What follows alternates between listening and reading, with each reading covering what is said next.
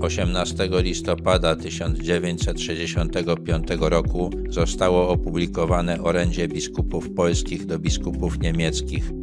Dokument ten zawierał streszczenie tysiącletniej historii państwa polskiego ze szczególnym uwzględnieniem stosunków polsko-niemieckich. Przypominał o wkładzie Niemców w rozwój Polski, a także o intrygach i zbrodniach zakonu krzyżackiego, o antypolskiej polityce państwa pruskiego oraz o zbrodniach dokonanych przez Niemców na Polakach podczas II wojny światowej, szczególnie o zbrodniach dokonanych na katolickim klerze. Stwierdzenie, że miliony Polaków przeniosły się ze wschodu na ziemię nad Odrą i Nysą, bo nie miały gdzie się podziać, można było rozumieć jako wezwanie do uznania granicy ustalonej w Poczdamie. Nazwano te ziemie poczdamskimi, a nie odzyskanymi. W orędziu znalazły się zdania: Próbujmy zapomnieć, żadnej polemiki, żadnej dalszej zimnej wojny, ale początek dialogu, do jakiego dziś dąży wszędzie Sobór i papież Paweł VI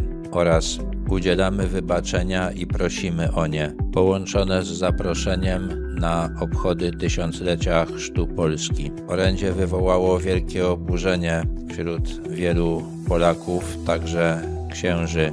Władze komunistyczne odpowiedziały antykatolicką kampanią propagandową. Prymas Wyszyński celowo sprowokował tę próbę sił, nie chcąc dopuścić, by w rokowaniach między PRL a Niemcami katolicyzm stał z boku. Ważne też było, aby pokazać, że odnowiony po soborze katolicyzm jest realną siłą polityczną, dążącą do światowego pokoju. Biskupi niemieccy zaproszenie przyjęli, ale o granicach nie wypowiedzieli się zupełnie. O zadośćuczynieniach za zbrodnie nie wspomniała ani jedna, ani druga strona.